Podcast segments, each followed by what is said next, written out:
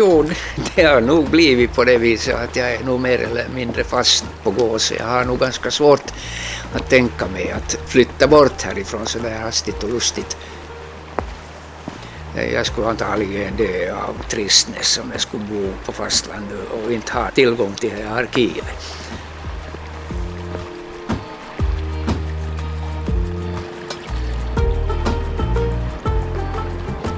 Månadens dokumentär Gustavs arkiv är en berättelse om Gustav Sundman som bor året runt på Holmen Gåsö.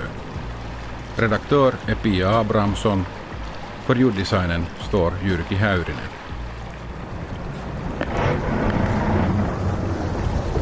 Ska jag testa Lina? Jag skulle aldrig tro att Gustav är 80 år när jag ser honom stå på bryggan för att möta mig. Han är klädd i jeans och ljusblå skjorta och en mörkblå flis med texten Gåsö i snyggt litet tryck. Hejsan, hejsan. Upp får du den, den vägen. Upp. Ta i där. Ja, ja. Hejsan, hejsan. De bruna ögonen skrattar när han halar upp mig och mina kassar på bryggan och taxibåten försvinner i fjärran. Sådär.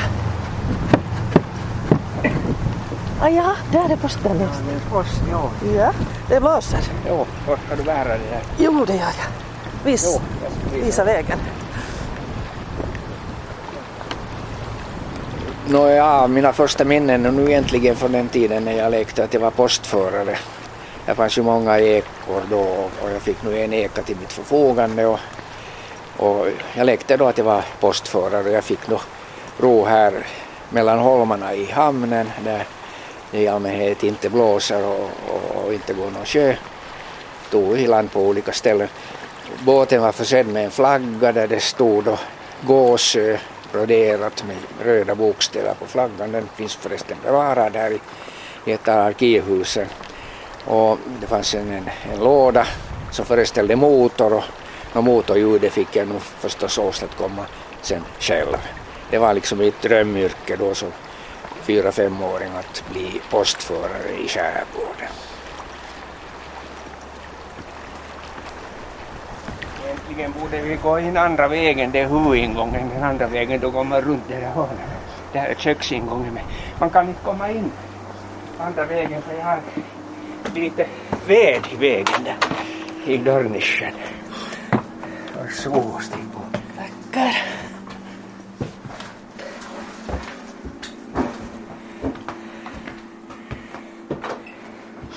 Du får nu ursäkta här lite ostädat. Det var meningen att få det färdigt städat. Men så kom ni ju också 10-15 minuter tidigare. Jo, välkommen till Gås.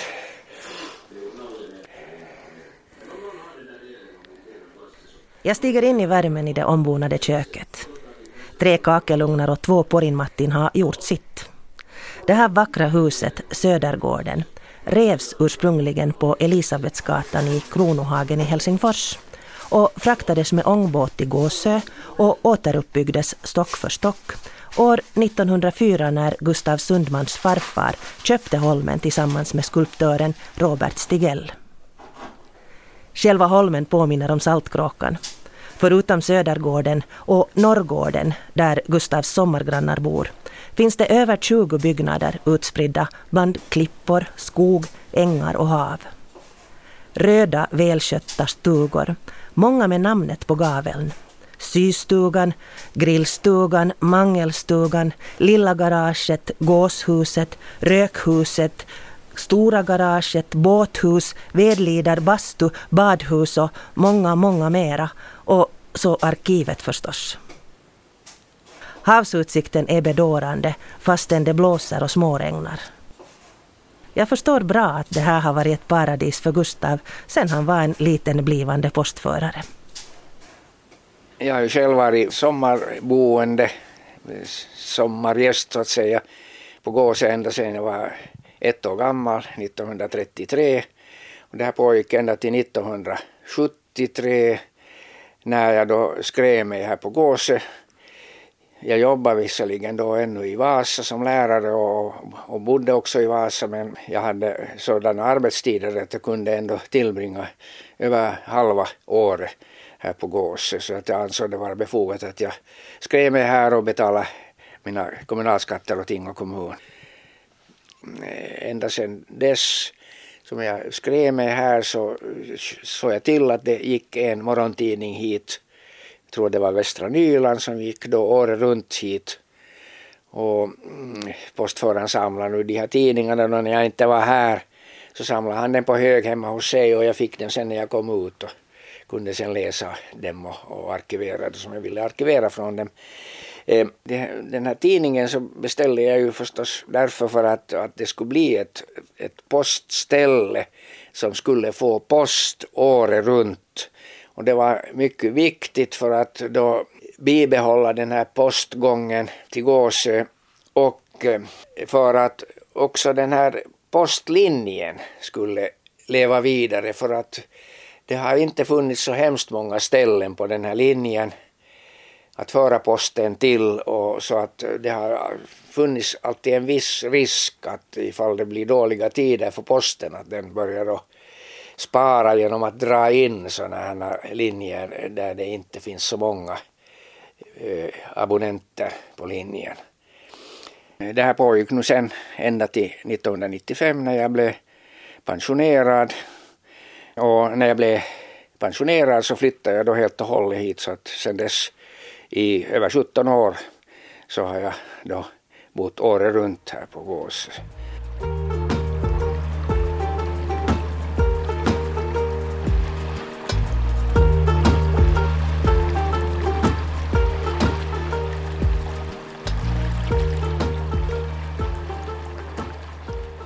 Nå, sen så hade jag nog från början avsikt att stanna vintertid i Ing och jag har en, en lägenhet där i kyrkbyn och det var min mening att jag skulle bo där. Vintertid och komma ut mera sådär sporadiskt hit, kanske någon fira julen här och, och sen på våren komma mera ut hit för att skida och vandra på isen eller åka skridskor på isen och, och så vidare. Men, men det här när jag den hösten då hade flyttat in, det var väl någon gång i början av november, hade flyttat in till, till byn och hade bott ungefär en vecka i byn så, så hann jag vantrivas så oerhört där.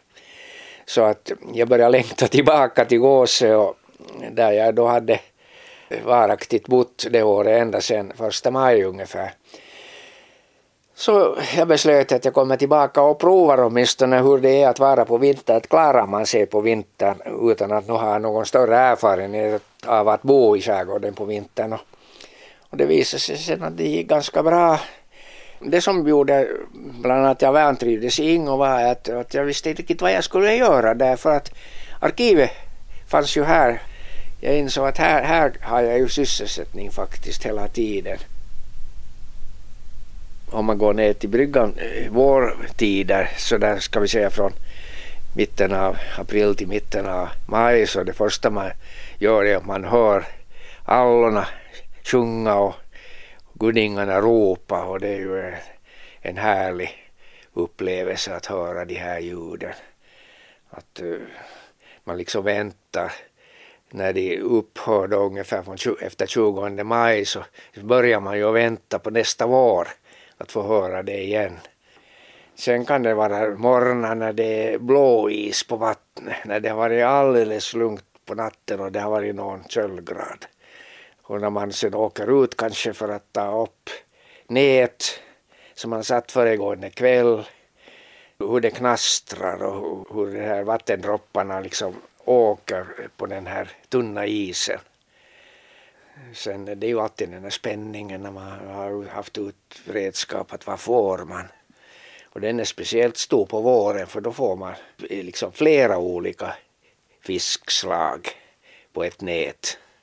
På sommaren blir det mera enformigt med abborrar och någon, kanske någon gädda i bästa fall och någon, någon mört eller braxenpanka men, men på hösten då är det ju skötfisketider, då lägger man ut skötar och eh, nu i år så eh, har jag faktiskt den turen att en före detta kollega till mig från Vasatiden. Han heter förresten Göran Bergström. Han har anmält att han kommer in, inkommande tisdag och, och vi ska då fiska vassbuk.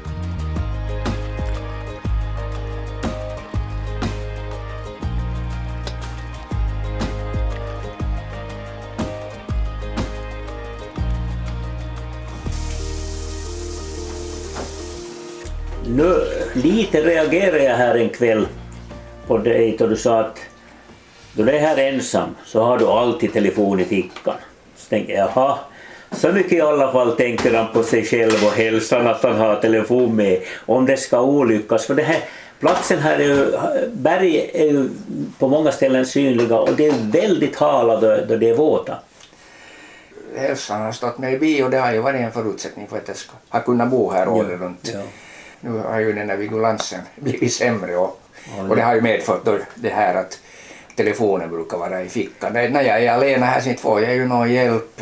Har jag inte telefon så jag bryter benen av mig eller sånt där och inte klarar mig på egen hand in så blir jag ju att ligga där så att telefonen är nog nödvändig för att, om man bor här alena. Jag försöker kan vi säga, lyfta fram för, för dig Gustav att, att nu ska det ha varit, bra att ha haft en medvandrare, en hustru som, som har varit en, ett antal år yngre. Men att eh, nu först när han börjar medge kanske inte har varit sämre. Eh, Annars du, du Gustav, har det varit för naturen? Det har nog väl kommit så småningom när man nu har varit här ända sedan barnsben. Ja. så har man liksom lärt sig uppskatta den här naturen och omgivningen. Jag kommer ihåg e- ett slag när jag var ute på sadeln. Det måste ha varit någon gång i början av 1970-talet. Och jag tittade då hit norrut mot Ingo och jag såg, man har ju sett de här skorstenarna i Joddböle. De syns ju bra hit till Gåse också men man har ju aldrig sett de här stora pannrummen. Mm. Det är ju stora byggnader där de här generatorerna finns. Ångpannorna och det där. Och, och det här. Men ut dit till sadeln syntes de.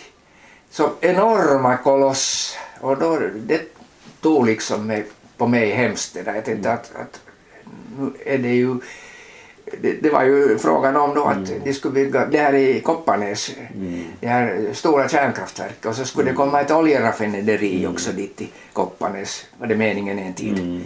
Att kommer det nu dit ännu sådana mastodontbyggnader så är ju hela den här siluetten förstörd. Att det tog mig, på mig hemskt det där och då tänkte jag nej att man måste nog göra någonting åt det här. Och jag, tror, jag vill minnas att jag skrev till och med i gästboken där på sadeln Ja. Ner mina intryck. Ja. Som du kanske minns så det var väl 1972 Mm. som, som det här miljövårdsföreningen grundades. Så det minns jag du berättade Och, och det var, det var en, en, en direkt följd av det här att, att Neste skulle bygga sitt Mm. tredje oljeraffinaderi i Kopparnäs. Då bildade vi den här föreningen. Vi hade ett jättestort möte på hembygdsgården. Det var så mycket folk och vi anade i förväg att, att det kommer att bli mycket folk så vi hade Mm. ordnat högtalaranläggningar utanför. Så det stod folk på fältet där Ja, framför ja, och lyssna på högtalaren. Och in, inomhus var det fullproppat till sista plats och, och, det massor av folk stod också där närmast utgången. Det var jag och, och, Sigurd Westerberg på Skeppe och, och Gunnel Gottberg i Sjunde och vi, vi tre liksom planerade det här första mötet. Och diskussionerna blev nedtecknade sen med, med jag skrev det med skrivmaskin och det blev 17 sidor skrivmaskinstext. Tät text och, och då fanns det inte några eh, kopieringsapparater ännu så jag hade en massa med kalkerpapper emellan så att vi fick kopior. Men tyvärr så gav jag bort alla papper. Jag behöll inte själv. Jag borde ha behållit ett Ja. själv för de har nog väl farit all världens väg de där kopiorna och det där originalet också. Så du har inte eget, eget Nej, arkiv nu heller? tyvärr inte. Nej, jag var så givmild då att jag gav alla som jag tyckte att var viktiga personer som fick. Eller Då kan kanske- det ju hända att något, något exemplar Kanske du har kan inte, hade inte insikt den tiden hur viktigt det kommer att bli? Jo, nej, inte visste man ju Nej. då förstås att det, hur det skulle vara intressant Nej. idag att Nej. läsa igenom de där protokollen. Nej, tyvärr hade man inte den insikten då. Men, men det här, det finns ju nog annars, föreningens protokoll finns ju här arkiverade nog. Så för den tiden jag var sekreterare, alla protokoll finns nog.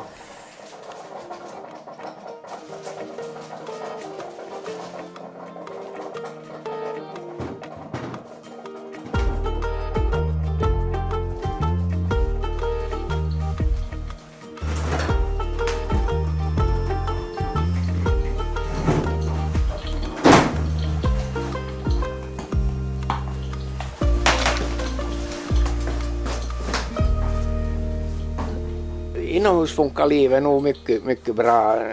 Det är inga problem det där med att sitta och läsa och skriva och, och arkivera. Det går precis som förut. Men, men det här utearbetet så det går nog ganska mycket långsammare än vad det gick tidigare. Och det, det retar ju en nog förstås för det skulle finnas mycket utearbete att göra.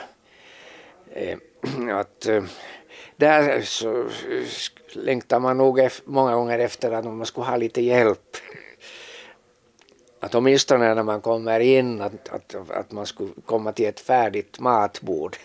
Inte behöva sätta igång med matlagning när man har avslutat det utearbetet. Mm. Nej, men uh, hur kom det sig då att du aldrig gifte dig? Nå, det är nog kanske lite, det, det är så många omständigheter. Det är nog lite, lite svårt att förklara det. det.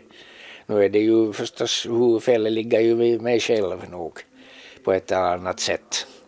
Jag har kanske varit lite för krånglig och, och det här och kanske inte varit tillräckligt uppmärksam och så vidare så har det nu sen blivit. Det här är ju ett arbetsläge förstås, gåsen nog, och det är ju inte så lockande att komma hit och, och veta att man hamnar och jobbar både med det ena och det andra. Man hamnar och fiska och man hamnar och, och hjälpa till med byggnadsarbeten och, och man hamnar och sköta om hushåll och sånt där. Inte det lockande säkert, det är nog det är nog egentligen inte arbete för en person utan det är arbete för flera personer. Men hur är det annars så här då, då du är, är ensam här och på nätterna och det är storm? Och, tänker du aldrig någonsin att det kan vara farligt?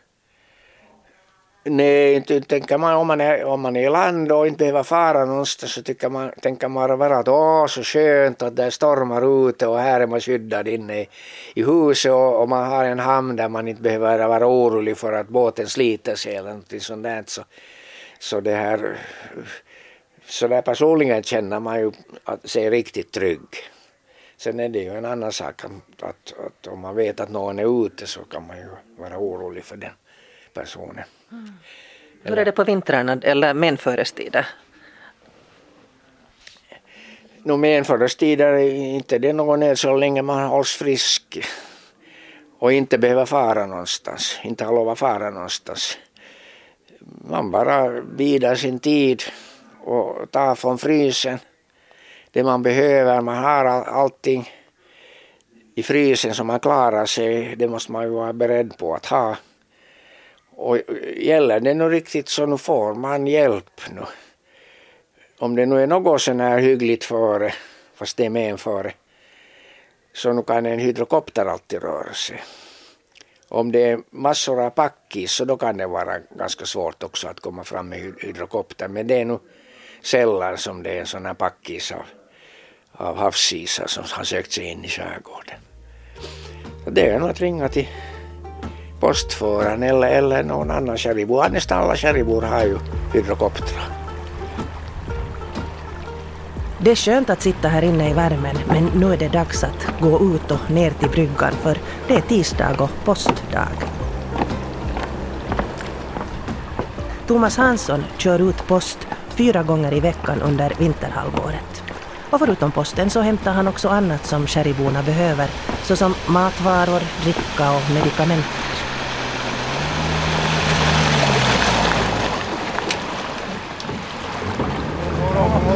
God morgon.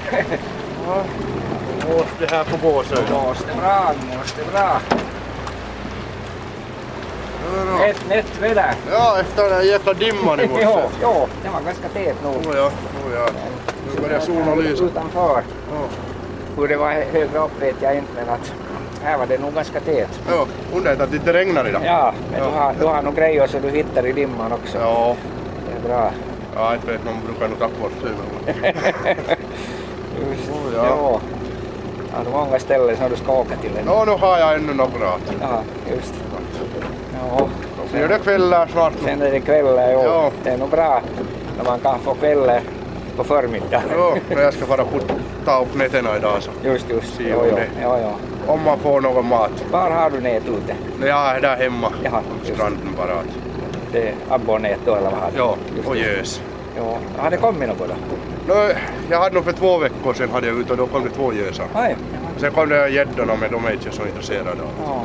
Senaste höst så var det ju mycket spinnfiskare igång där i Barösund så det måste det ha funnits gös där. Ja. Och, Ja, nu var det nu i lördags när jag körde så, så var det 20 båtar som när jag räknade Ja, dem. ja, ja. För man får köra zigzag emellan dem Ja, och, det är och vara rädd att inte man får krokarna i kinderna, kinderna och köra. jo. jo. Fast det är nog lite underligt emellan. Ja. ja. Och hur mår, mår det här minstingen? No, nu mår han bra. Idag ska vi få till prästen. Jaha, Ja. jaha, jaha. Nu har du valt namnet än Nå jo, nu ska han heta Joel. Joel. Ja. Nu är det ju trevligt när det är lite liv. Oh ja, oh ja. Jag såg, såg det här bilden av den nyfödde också Jo, i Vestis här för, ja det var bara för ett par dagar sedan. jo. Så att Ja, han, han är nog i arkiven än. Aj jaha, Jo. just jo. du har hunnit klippa ut han redan. Jo, jo. ja, ja. Ja. ja. Men jag ska fortsätta Ska färden så. fortsätta färdig och Ja, så så du hörs vi här igen. bragder ännu Ja, idag. det är torsdagen då följande gång. Torsdag blir det Ja, ja. okej. Ja. Bra. Ja, hej då. Hej hej.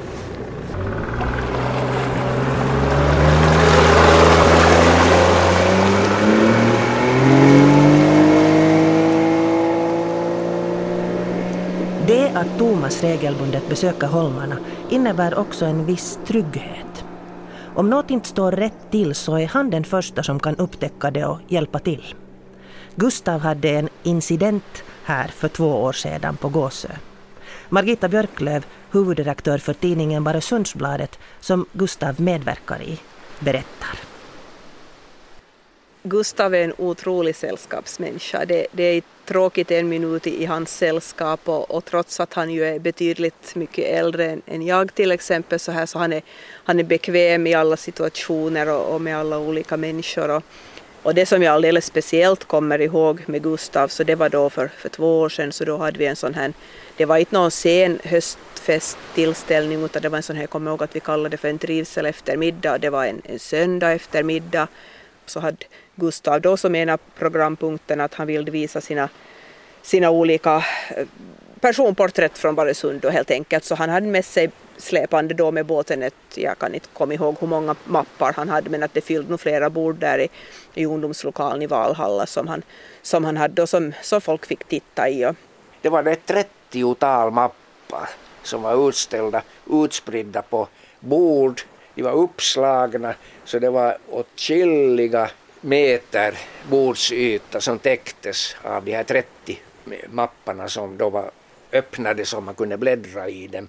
De var placerade dessutom på vita borddukar som jag hade med mig. Nå, när, när det här, den här tillställningen var slut så samlades ju de här mapparna ihop och i säckar och bars ner till stranden och de här borddukarna samlades ihop och jag hade hjälp med det här bärandet. Och så får jag då hem i mörkret och alla tog sig hemåt och, och sen te, fick jag en sån där känsla ibland som jag har lite sådär om jag tycker att, att det är något som är på tok eller något lite på gång så tyckte jag där att nio tiden att, att men nu ska jag nog ändå ringa till Gustav och kolla det här att, att det nu har gått helt bra för honom hemma. För att det är ju en sån där sak som jag är uppfödd med i och med att, att jag är född och uppväxt ute på en holme så, så var det alltid när jag var barn och ungdom om man for någonstans eller for hem någonstans ifrån på kvällen så sa man alltid till varandra att, att ring när du kommer hem och på den tiden fanns det ju bara hemtelefoner så, så man satt ju sen alltid uppe och väntade att, att de här gästerna som hade åkt iväg då ringde eller, eller vice versa.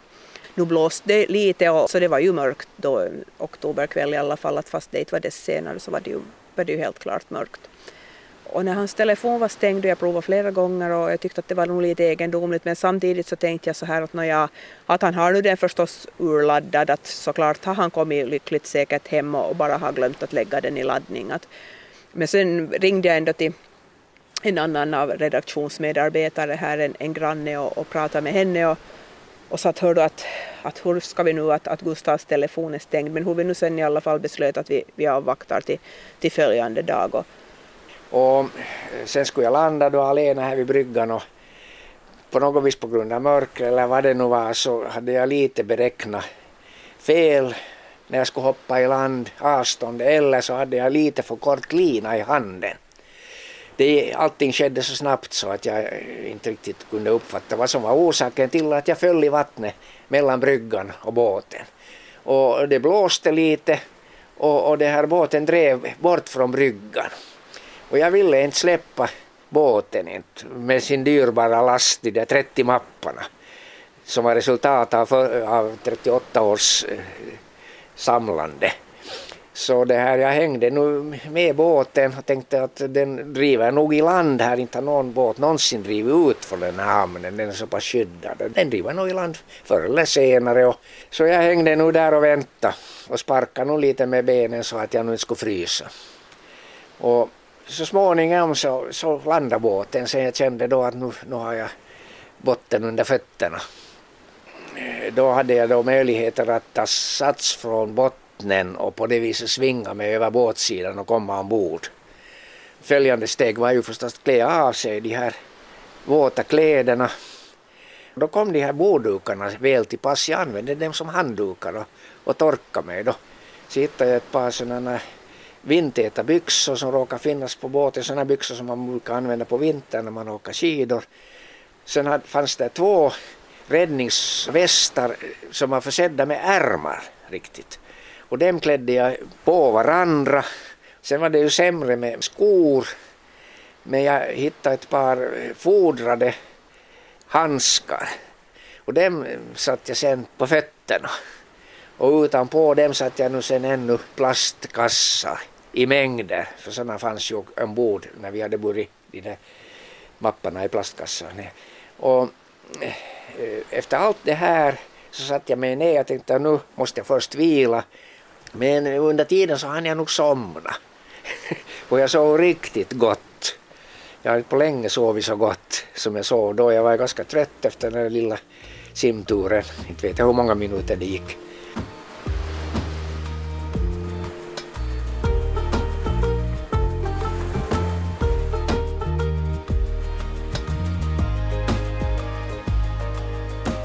Så när jag vaknade så då såg jag sen var, var jag var. Och för följande tanke var att hur ska jag komma ut från den här båten? Hur ska jag kunna hoppa i land från den här höga fören på, på den här strandklippan? Men sen kom jag ihåg att jag hade samma år i födelsedagsgåva av en kärringbo fått en stege, en repstege som han hade då bundit ihop av rep så den hängde jag på fören och så tänkte jag att jag klättrar ner från den repstegen. Inte vågade jag hoppa inte. Men just innan jag kom ner till nedersta steget så på något vis svängde den där stegen åt sidan. Så att jag föll av den och föll i vattnet. Då var jag, då var jag raklång i vattnet. Då var jag nog i alla fall där i vattnet och jag kunde på alla fyra kliva i land och förtöjde båten, där fanns en, en krok. Det visade sig att jag var på grannens strand. Det var en liten klack, den, kallas sumpklacken, och den är förbunden med fastlandet på Gåse med en stenbro med, bestående av grova stenbumlingar. Och där i mörkret så insåg jag att inte klarar jag mig att balansera på de stenarna. Jag måste gå på alla fyra. Så jag gick över den här stenbron på alla fyra så att jag kom i land på Gåsö och sen kunde jag då gå hit till huset och sen fick jag då verkligt torra kläder här på mig och kom i, i värmen. Jag hällde nog ett halvt glas whisky åt mig och tog det nästan i ett svep för att få blodet att cirkulera. Det visade sig ju sen att mobiltelefonen hade varit i fickan och, och den, den fungerade inte mer sen. Så att eh, jag hade ju då eh, datorn och, och, och jag, jag var inte så duktig heller på att skicka e-post då men jag måste lära mig den här natten att skicka e-post. På det viset var det nyttigt nog. Och det där då provade jag på nytt och då var den fortfarande stängd och, och då ringde jag också genast igen till den här Siv som hon heter och sa att, att nu måste vi få tag i posteljon som är på väg ner till Gustav att nu är det nog någonting som inte stämmer att han måste kolla upp på. För jag såg när jag kom till stranden hans att båten var inte där som den skulle vara och det låg mot en bergsklack istället så, så då får jag nog upp till stugan och fråga vad det var. Och jag gick sen ner tidigt på morgonen och satte ett meddelande i postlådan att, att ta, hämta upp posten och, och komma upp med posten till mig att det är viktigt. No, det var en nedkyld man. Han var lite frusigare tror jag och, och så var det lite våta kläder på farstun det första som man kom. Att, att då visste jag nog att han har varit och simmat. Tagit en kvällsdopp. Han var nog skärrad och han har nog lite slagit sig och var orolig och och mest bekymrad var han att han inte fick kontakt med någon, att telefon hade varit i vattnet och allt. Men det fick vi ju hastigt fixat. Ny telefon åt honom. Att, att han kunde fortsätta att vara där.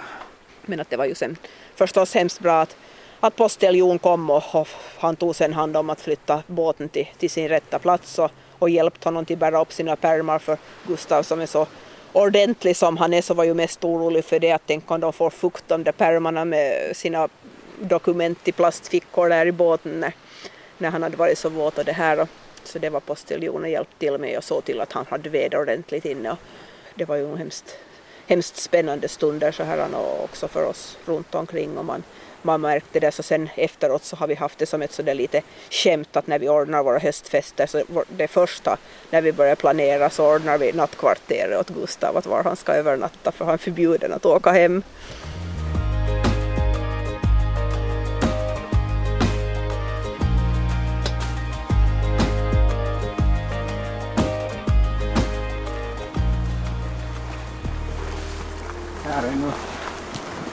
sådär till hälften ostädat ännu efter bygget. Igår hade jag ännu en såg här på den här bädden när vi lagade innerväggar här i det här första huset till höger. Vi kan ju titta in här. Det ser ut det är halvfärdigt ännu. Väggarna återstår att göra färdiga.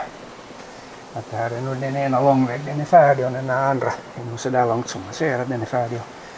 Och denna sågen var då ute i våren och med den kapade vi de här väggbrädorna. jo, det är tredje arkivhuset.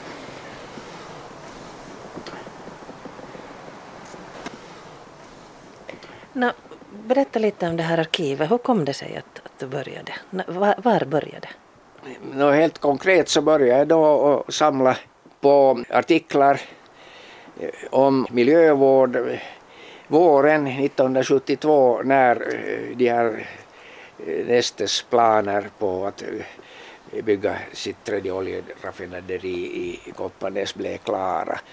Jag insåg genast att, att nu, nu måste då allt det här som skrevs i tidningarna dokumenteras, sparas för eftervärlden.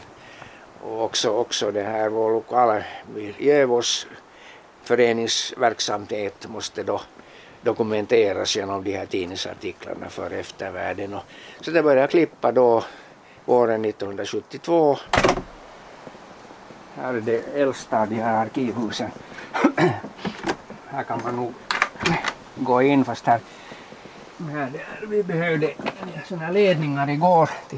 Stig in bara, du kan nog trampa på de ledningarna.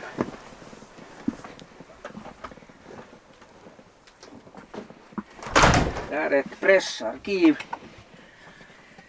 eh, som startade för 40 år sedan.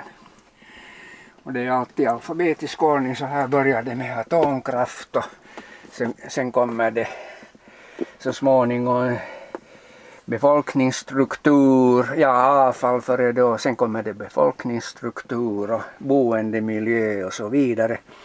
Och så fortsätter det här då med med olika här kapitelrubriker.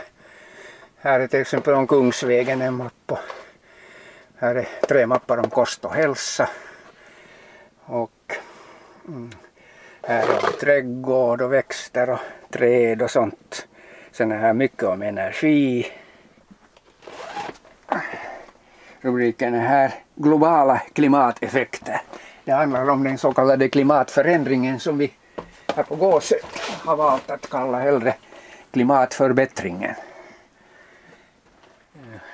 Här är en massa med, under rubriken Ingo. Och eh, sen är här en skildmapp om Bågarskär. Här är Degerbyrevyn som fortfarande pågår i Degerby fast de nu inte har varje år mera föreställningar. Det, det finns ett stort antal sådana här mappar och ming och De är nog eh, vid det här laget över hundra. Ren. Det här är, de sista det handlar om den här vindkraftsparken som det var meningen att de skulle bygga utanför Hettö. På vardera sidan om gränsen mot Raseborg. Men den, blev ju, den parken blev ju avstyrd sen. De kommunala beslutsfattarna beslöt att den ska inte bli av. Och här är då som man ser så här mappar ända upp till taket. De är liggande här överst. Och nu har jag blivit tvungen än att hålla mappar här på golvet. För de får inte plats någon annanstans. Därför så har det här nya arkivhuset tillkommit. Det blir nog med samma nästan halvfullt när alla de här mapparna som är under taket och, och på golvet kommer in på sina hyllor där. Det är lite svårt att säga hur många de är sammanlagt men, men de är säkert över 2000 och det är meningen nu att när jag skriver min följande skrift som ska utkomma till julen jag har ju gjort varje år sådana här små skrifter. Det här blir väl den, den 27 eller 28. Det den ska handla om det här Gåsearkivet när det då i år har fyllt 40 år. Och så det är till 40-årsjubileet som den här arkivförteckningen kommer ut. När jag gör den så får jag nog det här aktuella antalet mappar, får reda på det. Men jag, så mycket vet jag nog att över 2000 är det alldeles säkert. Det kommer dagligen till mappar. Nej, eller nästan dagligen, kanske nu inte 365 mappar i år utan kanske mellan 100 och 150 mappar i alla fall i år kommer det till. Eh, sen här om fiskerinäringen en hel del här om selproblemet bland annat och om skarvproblemet och, och eh, många mappar som innehåller populärt om fisk och fiske. Eh, alla möjliga rekordfångster som man har fått och speciella fiskarter som inte är vanliga i våra vatten som, men som någon kan gå i, i bragder som till exempel makrillen som till och med har fångats på gåse en gång. En stör har jag också fått på gåse i ett nät. Det är nog de där största rariteterna. Ehm, här fortsätter det med oljeföroreningar. Här är faktiskt närmare 20 mappar bara om oljeföroreningar och oljebekämpningar. Och då är inte de oljeföroreningarna som har förekommit i Ingo med utan de är sen i skilda mappar här i den här Ingo-serien. Ehm, det slutar här nere sen med torvens användning och sen följande bokstav V vattenföroreningar och så vidare, vattenkraftverk så eh, det fortsätter sen i följande hus.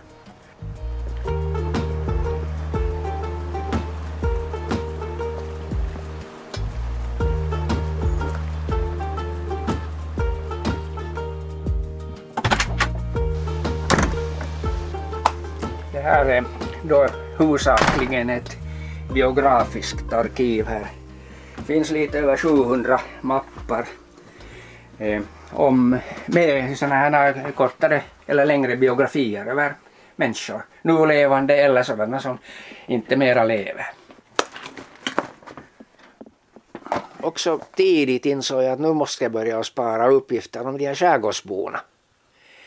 Så att eh, den inbesparingen av uppgifter eh, började 1972 faktiskt.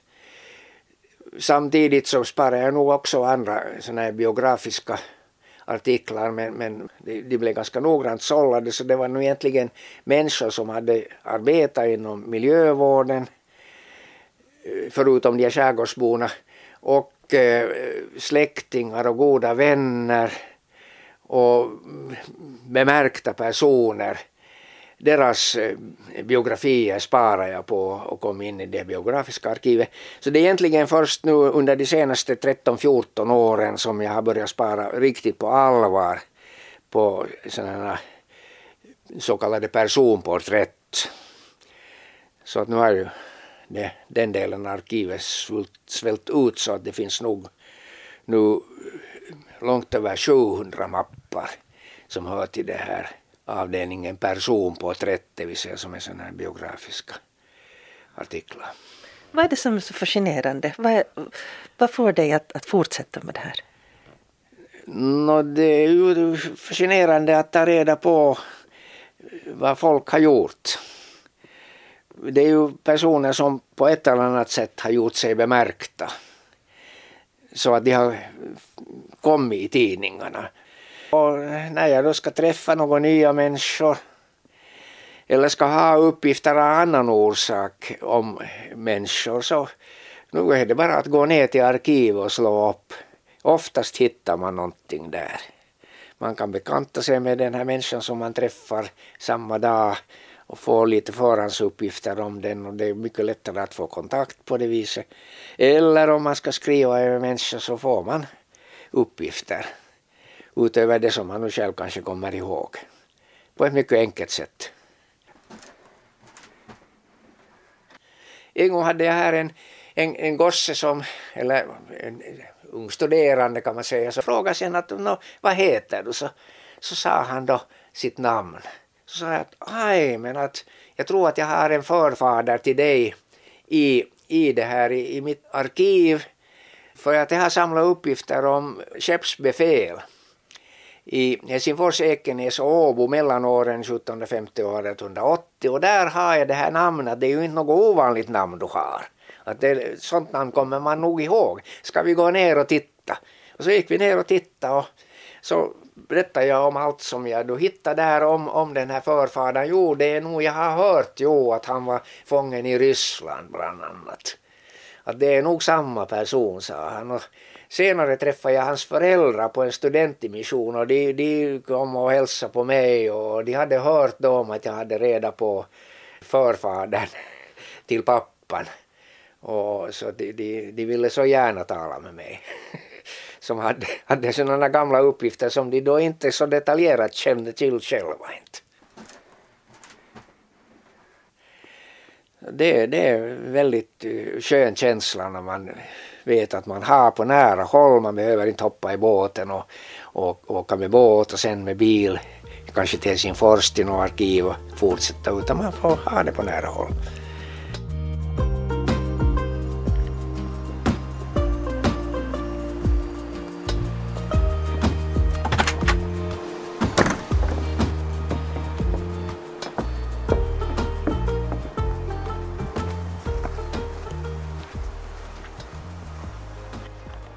Föreningarna de är bra på det viset att här har inte ogräset någon chans att komma upp.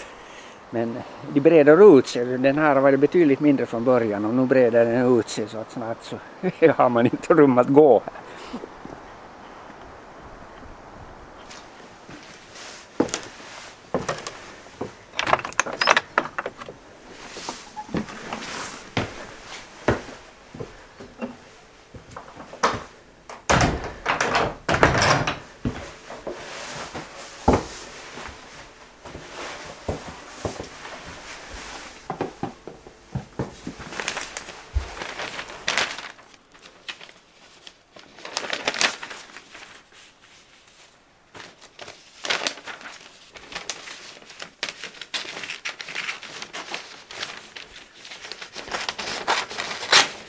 No, men du är som sagt trots allt 80 och, och du har fyra byggnader fyllda med mappar här. Hur ser du på framtiden? No, jo, jag tycker att framtiden är ljus. Det, jag har krafter ännu att fortsätta med det här. Jag blir bara snabbare och snabbare med mitt arbete fast, fast jag kanske rör mig långsammare än i unga år. Så skrivbordsarbete går nog med gammal rutin och det är ju så trevligt att så, eh, syssla med sånt här så man kan ju inte ens tänka sig att lämna det här ifrån sig. Men vad ska det hända med, med det sen när den dagen kommer att du inte mera finns? Nå, sen hoppas jag nog att, att det blir tillvarataget på ett ändamålsenligt sätt. Det nu finns någon som åtminstone offrar lite tid på att, att eh, föra vidare. Det, det är kanske för mycket för en person att offra fyra timmar om dagen utan någon lön. Det kan man väl inte räkna med, men om det nu skulle uppenbara sig några pengar så kanske man skulle kunna avlöna någon sådär på deltid för en eller två timmar om dagen. Det skulle vara mycket vunnet redan på det viset. Sen är det här ju så stort det här arkivet att det kan liksom delas nog i, i flera delar. Och då är det lättare att placera det också. Men största delen av det så hoppas jag nog att ska få något utrymme i Ingo. För att det, det är så mycket ändå som handlar om Ingo här i det här arkivet och det, och det var ju händelser i Ingo som gav påstöten till att det var ute starta i tiderna. Så Men tror du att det finns behov mera för ett sånt här, jag menar i dagens internettid? No, ja, det undrar man ju nog. Nu är det ju många som säger att, att vad håller du på och klipper och klistrar och sparar sånt här, du får ju allting från internet. No, nu har jag varit ner, inne på internet nu, inte det är frågan om det, nu, nu har jag klarat det och jag har läst gamla tidningar och utnyttjat dem för mina artiklar i Borgsundsbladet. Men problemet är ju det att nyare tidningar än sådana som har tryckts 1911 så får man inte på arkivet. Alltså tidningar som är yngre än 100 år hittar man inte på arkivet. De är inte digitaliserade och antagligen digitaliseras de undan för undan så att de hundra nyaste årgångarna är alltid saknas. Jag är inte alls säker på att, att det som sparas digitalt på olika slags disketter och olika slags minnepinnar, att, att det sen i framtiden, att de faktiskt är tillgängliga, att de inte har blivit förstörda av elen eller någon orsak och att det finns apparater som kan läsa dem. Så de är otillgängliga.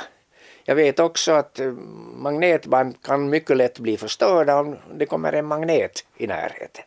Det finns ju magneter nu för tiden, lite varstans, börjande med ficklampor som som man det här inte behöver batterier till. Sådana här LED-lampor som man skakar om och laddar upp sig själva. De har starka magneter. Sätt inte en sån lampa nära en C-kassett till exempel. Ja, material sparar på C-kassetter. Och för det så sparar man på sådana hålband. Det var ju det första. Och de där hålbanden så de, de kan nog inte vara långlivade inte det som är, har visat sig vara långlivat är sånt som är skrivet med bläck på gammalt papper. Sånt eh, kan ännu läsas flera hundra år efteråt för att inte tala om sådana här papyrusrullar från Jesu tider som emellanåt dyker upp i tidningspressen som ska visa att Jesus var, var gift. Så att eh, jag, jag litar inte på de här och, och, och sen när de nu säger jo, du hittar ju där på nätet men här